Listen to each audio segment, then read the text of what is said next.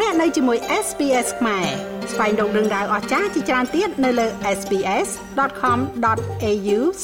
ខ្មែរ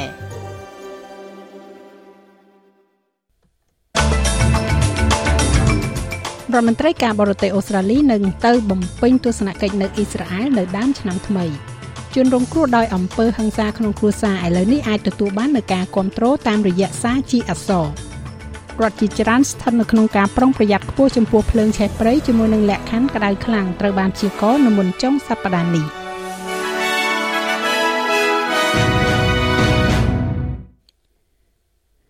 រដ្ឋមន្ត្រីការបរទេសអូស្ត្រាលីលោកស្រី Penny Wong នឹងធ្វើទស្សនកិច្ចទៅមជ្ឈមបូព៌ានៅដើមឆ្នាំថ្មី បន្ទាប់ពីរដ្ឋាភិបាលនឹងបញ្ជូនសមាជិកសភាជួរមុខដំបូងរបស់ខ្លួនទៅកាន់ប្រទេសអ៊ីស្រាអែលនៅសប្តាហ៍ក្រោយ។ ជំនួយការរដ្ឋមន្ត្រីការបរទេសលោក Tim Watts នឹងធ្វើដំណើរទស្សនកិច្ចទៅប្រទេសអ៊ីស្រាអែលជាមួយនឹងគណៈប្រតិភូឆ្លងបករួមទាំងអ្នកនាំពាក្យក្រសួងការបរទេសរបស់បកប្រឆាំងគឺលោក Simon Birmingham នៅក្នុងគោលបំណងជួយការពារជនស៊ីវិលនិងទប់ស្កាត់ការរីករាលដាលនៃចំនួននៅក្នុងតំបន់នេះ។ នេះកើតឡើងបន្ទាប់ពីលោកនាយករដ្ឋមន្ត្រី Anthony Albanese បានចានចោលនឹងការផ្ដាល់យោបល់របស់បកប្រឆាំងដែលចង់ឲ្យលោកទៅធ្វើទស្សនកិច្ចទៅកាន់តំបន់នេះហើយអ៊ីស្រាអែលបានដំឡើងការព្រមានអំពីការធ្វើដំណើររបស់ខ្លួនសម្រាប់ប្រទេសអូស្ត្រាលីដោយជំរុញឲ្យពលរដ្ឋរបស់ខ្លួនដែលចង់ទៅទស្សនាប្រទេសនេះឲ្យមានការប្រុងប្រយ័ត្នបន្ថែម។ លោកឧបនាយករដ្ឋមន្ត្រី Richard Marles មានប្រសាសន៍ថាវាជារឿងសមស្របសម្រាប់រដ្ឋមន្ត្រីជាន់ខ្ពស់នៅក្នុងការធ្វើដំណើរទៅកាន់ប្រទេសនេះ We maintain uh, good relations with Israel as we do with យើងរក្សាទំនាក់ទំនងល្អជាមួយអ៊ីស្រាអែលដោយដែលយើងធ្វើជាមួយប្រទេសមួយចំនួននៅក្នុងតំបន់នោះគឺជាការប៉ុណ្ណាស់នៅទូទាំងពិភពលោក នេះនឹងជាការធ្វើដំណើរដែលដំណើរការឡើងគៀកទៅនឹងការធ្វើដំណើររបស់យើងប៉ុន្តែនៅទីបំផុតវាជាបញ្ហាសម្រាប់រដ្ឋមន្ត្រីការបរទេសប៉ុន្តែការធ្វើដំណើររបស់លោកស្រីគឺសំរុំទាំងស្រុងការផ្ទុះនិងអណ្ដាតភ្លើងបានបំភ្លឺមេឃនាពេលរាត្រីកាលពីយប់មិញនៅតំបន់ Gaza Strip ខណៈដែលអ៊ីស្រាអែលបន្តជំនួសជាមួយនឹងក្រុមសកម្មប្រយុទ្ធហាម៉ាស់នៅតំបន់នេះ អ្នកស្រុកបានរាយការណ៍ពីការប៉ះទង្គិចគ្នាយ៉ាងខ្លាំងនៅភូមិខាងកើតនៃទីក្រុង Khan Yunis ជា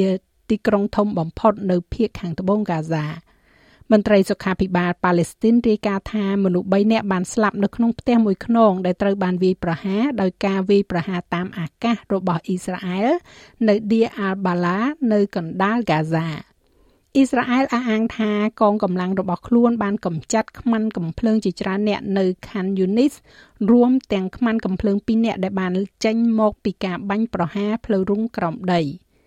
ចាប់តាំងពីថ្ងៃទី7ខែតុលាមកអង្គការសុខភាពពិភពលោកបានកត់ត្រាការវាយប្រហារចំនួន212លើកមកលើមណ្ឌលថែទាំសុខភាពនៅតំបន់ Gaza Strip ដែលបណ្ដាលឲ្យមានមនុស្សស្លាប់យ៉ាងហោចណាស់ចំនួន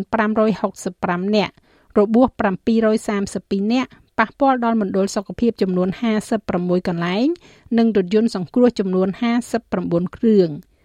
វិជ្ជបណ្ឌិត Richard P. Kirkon ដែលជាអ្នកតំណាងរបស់អង្គការសុខភាពពិភពលោកនៅទីនោះមានប្រសាសន៍ថាមន្ទីរពេទ្យមិនអាចទ្រាំទ្របានទេ We are here in the dialysis center the dialysis center from Al-Najjar យើងនៅទីនេះនៅក្នុងមណ្ឌលលាងឈាម មណ្ឌលលាងឈាមនៅអាល់ណាចាគឺជាមជ្ឈមណ្ឌលលាងឈាមដែលនៅដំណើរការតែមួយគត់នៅរ៉ាហ្វាជាធម្មតាគេព្យាបាលអ្នកជំងឺ100នាក់ជាអតិបរមាក្នុងមួយថ្ងៃតែបច្ចុប្បន្នមជ្ឈមណ្ឌលនេះកំពុងតែព្យាបាលអ្នកជំងឺជាង300ទៅ350នាក់ក្នុងមួយថ្ងៃគឺ24ម៉ោងមានបញ្ជីរងចាំយ៉ាងវែងប្រជាជនឬក៏អ្នកជំងឺលាងឈាមមកពីទូទាំងតំបន់ហ្គាហ្សាមកកន្លែងនេះ បរិះម្នាក់ត្រូវបានប៉ូលីសចាប់ឃុំខ្លួនបន្ទាប់ពីបានបាញ់កំភ្លើងចំនួន2គ្រាប់នៅខាងក្រៅព្រះវិហារសាសនាជ្វីក្នុងរដ្ឋញូវយ៉កប៉ុន្មានម៉ោងមុនពេលចាប់ផ្ដើមពិធីបុណ្យហានូកាអញ្ញាធរសហរដ្ឋអាមេរិកបាននិយាយថាมันមាននរណាម្នាក់រងរបួសនៅក្នុងការបាញ់ប្រហារនៅខាងក្រៅព្រះវិហារអ៊ីស្រាអែលក្នុងទីក្រុងអាល់បានីនៃទីក្រុងញូវយ៉កនោះទេឧបតហេតុនេះបានកើតឡើងចំពេលមានការកើនឡើងនៃការភ័យខ្លាច ចំពោះការប្រឆាំងសាសនានៅទូទាំងពិភពលោកបន្ទាប់ពីមានចំនួននៅមជ្ឈិមបូព៌ាអភិបាលរដ្ឋ New York លោកស្រី Kathy Hochul មានប្រសាសន៍ថាលោកស្រីបានណែនាំឲ្យសមត្ថកិច្ចអនុវត្តវិធានការជាច្រើនដើម្បីធានាសុវត្ថិភាពរបស់ជនជាតិជ្វីសនៅ New York After the October 7th attacks, I've directed our state police as well as the National បន្ទាប់ពីការវាយប្រហារនៅថ្ងៃទី7ខែតុលាខ្ញុំបានបញ្ជាឲ្យប៉ូលីសរដ្ឋរបស់យើងព្រមទាំងឆ្មាំសន្តិសុខជាតិឲ្យមានការប្រុងប្រយ័ត្នខ្ពស់ដោយពួកគេបានធ្វើការឃ្លាំមើលនិងមានវត្តមាននៅតាមព្រះវិហារជ្វីសសាលាប្រជុំសារមន្ទីរ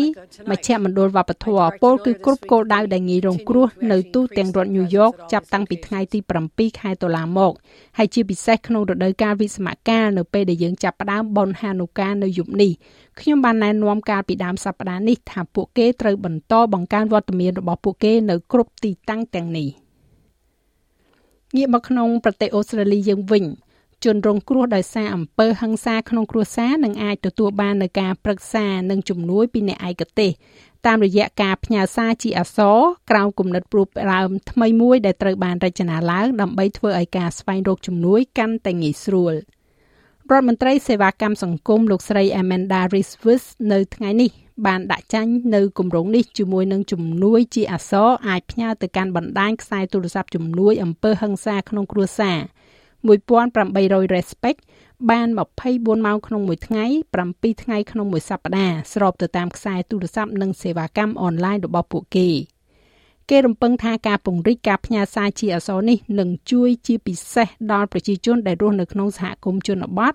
និងអ្នកដែលអាចមានលទ្ធភាពប្រើប្រាស់បច្ចេកវិទ្យាឬក៏អ៊ីនធឺណិតនៅមានកម្រិតរួមទាំងសហគមន៍ជនជាតិដើមភាគតិចនៅតំបន់ដាច់ស្រយាលផងដែរ។ជនរងគ្រោះដែលស្វែងរកជំនួយអាចផ្ញើសារដោយសរសេរពាក្យ Hello ឬក៏សារស្វាគមន៍មកកាន់លេខ04 58 737 732លោកស្រី Reese First បាននិយាយថារាល់ជីវិតដែលបានបាត់បង់ដោយអំពើហិង្សាក្នុងគ្រួសារតែមួយគឺច្រើនពេកហើយ When we think about some of the tragic news that is hitting នៅពេលយើងគិតអំពីព័ត៌មានសោកនាដកម្មមួយចំនួនដែលកំពុងវាយលុកប្រព័ន្ធផ្សព្វផ្សាយនៅពេលនេះខ្ញុំគិតថាយើងទាំងអស់គ្នាពិតជាមានការភ័យខ្លាចណាស់ ប៉ុន្តែខ្ញុំសង្ឃឹមថានេះផ្ដល់ឲ្យយើងនូវការតាំងចិត្តដើម្បីបន្តនៅលើផ្លូវរបស់យើង ដើម្បីបញ្ចប់អំពើហិង្សាលើស្ត្រី និងកុមារក្នុងចំនួនមួយរដ្ឋជាច្រើនស្ថិតនៅក្នុងការប្រុងប្រយ័ត្នខ្ពស់ចំពោះភ្លើងឆេះព្រៃជាមួយនឹងលក្ខខណ្ឌក្តៅខ្លាំងត្រូវបានព្យាករណ៍នៅមុនចុងសប្តាហ៍នេះ។សេវាកម្មអគិភ័យប្រចាំប្រទេសបានព្រមាននៅថ្ងៃនេះថាអាចជាអាកាស អាចជាថ្ងៃដែលមានអាកាសធាតុភ្លើងឆេះព្រៃដ៏សំខាន់បំផុតមួយ ក្នុងរយៈពេលជាច្រើនឆ្នាំជាមួយនឹងការព្រមានខ្ពស់ខ្លាំងឬក៏គ្រោះមហន្តរាយដែលត្រូវបានព្យាករណ៍នៅក្នុងរដ្ឋ New South Wales ផ្នែកខ្លះនៃរដ្ឋអូស្ត្រាលីខាងត្បូងនិងរដ្ឋ Victoria គេរំពឹងថាសីតុណ្ហភាពនៅទូទាំងរដ្ឋអូស្ត្រាលីខាងត្បូងនឹងឆ្ពោះទៅរកជាង40អង្សានៅថ្ងៃនេះខណៈពេលដែលលក្ខខណ្ឌរលកកម្ដៅនឹងបន្តរយៈពេលជាច្រើនថ្ងៃទៀតនៅក្នុងរដ្ឋ New South Wales ជាមួយនឹងរន្ទះស្ងួតនិងបន្ថែមហានិភ័យភ្លើងឆេះព្រៃអ្នកព្យាករណ៍ជាន់ខ្ពស់របស់ការិយាល័យឧតុនិយមលោកស្រី Sarah Scully បានប្រាប់ ABC ថាស្ថានភាពខ្យល់ខ្លាំងក៏នឹងបង្កើនគ្រោះថ្នាក់ភ្លើងឆេះព្រៃផងដែរ។ extreme fire dangers across southern South Australia, eastern South Australia and គ្រោះថ្នាក់ភ្លើងឆេះព្រៃខ្លាំងនៅទូទាំងភាគខាងត្បូងនៃរដ្ឋអូស្ត្រាលីខាងត្បូងភាគខាងកើតរដ្ឋអូស្ត្រាលីខាងត្បូង និងភាគពីយប់រដ្ឋ Victoria និងភាគអាគ្នេយ៍នៃរដ្ឋ New South Wales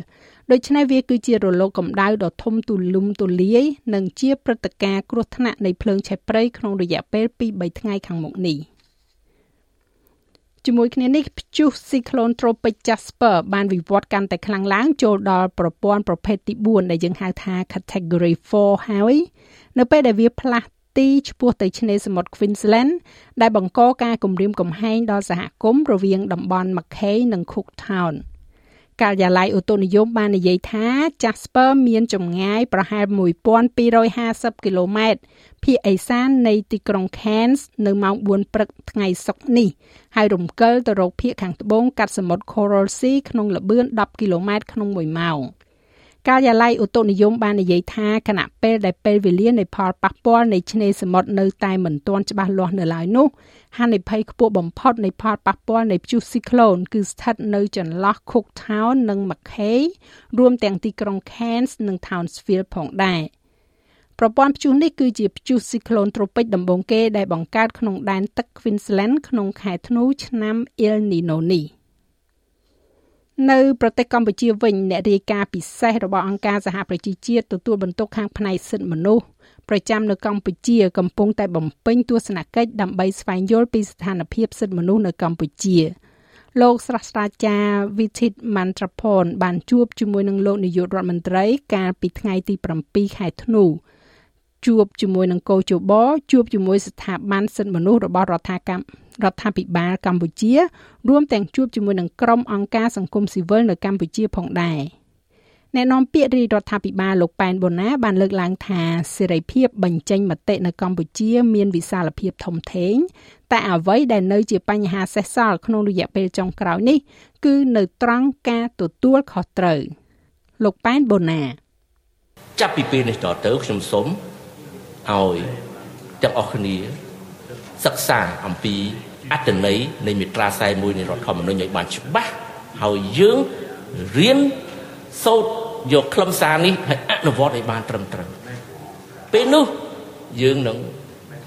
ការយើងនឹងចេះប្រើប្រាស់សិទ្ធិសេរីភាពរបស់យើងនៅក្នុងក្របខ័ណ្ឌមួយនៃការគោរពគ្នាក្របខ័ណ្ឌសិលធម៌ក្របខ័ណ្ឌច្បាប់ដែលជាការលើកកម្ពស់សិទ្ធិសេរីភាពនិងការបញ្ចេញមតិនៅក្នុងប្រទេសកម្ពុជា ចាលោកមេងផល្លានឹងជួនសេចក្តីរាយការណ៍លម្អិតនៅវគ្គក្រោយជាបន្តឬលោកអ្នកអាចចូលស្ដាប់នៅលើគេហទំព័រ sps.com.au/ ខ្មែរ នៅក្នុងកីឡាបាល់បោះ Basketball កីឡាករ Luka Doncic ដែលជាខ្សែការពារ point guard ជាប់កំណត់ត្រាដំបូងគេនៅក្នុងការរកបានពិន្ទុ25ពិន្ទុថែមទាំង triple double ក្នុងតង់ទី1ក្នុងប្រវត្តិសាស្ត្រនៃការប្រកួត NBA កីឡាករវ័យ24ឆ្នាំសញ្ជាតិស្លូវេនៀនរូបនេះរកបានពិន្ទុ29ពិន្ទុ10 assist និង10 rebound នៅពាក់កណ្ដាលតង់អំឡុងពេលការប្រកួត Dallas Mavericks ជាមួយនឹង Utah Jazz រូបគេបានបញ្ចប់ការប្រកួតជាមួយនឹងពិន្ទុសរុប40ពិន្ទុ11 assist និង10 rebounds ដែលនាំឲ្យក្រុម Maverick ឈ្នះក្រុម Utah ក្នុងពិន្ទុ147ទល់នឹង97 នេះជាលើកទី60ហើយសម្រាប់ការសម្រេចបាននៅ triple double របស់ Doncic ដែលបានវាដាច់អតីតកីឡាករជើងចាស់របស់ NBA គឺលោក Larry Bird ហើយឈានដល់ចំណាត់ថ្នាក់ទី9នៅលើតារាង triple double ផងដែរ។ចំណែកឯអត្រាប្តូរប្រាក់វិញ1ដុល្លារអូស្ត្រាលីមានតម្លៃប្រមាណជា66សេនដុល្លារអាមេរិកត្រូវនឹង2710រៀលប្រាក់រៀលខ្មែរ ឥឡូវយើងក៏លេខមើលការព្យាករណ៍អាកាសធាតុសម្រាប់ថ្ងៃសៅរ៍ស្អែកនេះវិញ នៅទីក្រុងផឺតបើកថ្ងៃ30អង្សាអាដាលេដភ្លៀងអាចនឹងភ្លៀងធ្លាក់ខ្លាំង19អង្សា មែលប៊នមានភ្លៀងធ្លាក់ដូចគ្នាដែរ20អង្សា ហូបាតរលឹមបន្តិចបន្តួច18អង្សា Canberra អាចនឹងមានរលឹម37អង្សា Sydney បើកថ្ងៃ39 Brisbane មានពពកដោយពេល30អង្សា Cairns ភាគច្រើនបើកថ្ងៃ34អង្សា នៅ Darwin រលឹមបន្តិចបន្តួចអាចនឹងមានព្យុះ34អង្សា និងនៅទីក្រុងភ្នំពេញមេឃស្រឡះតែមានពពកម្ដងម្កាល33អង្សា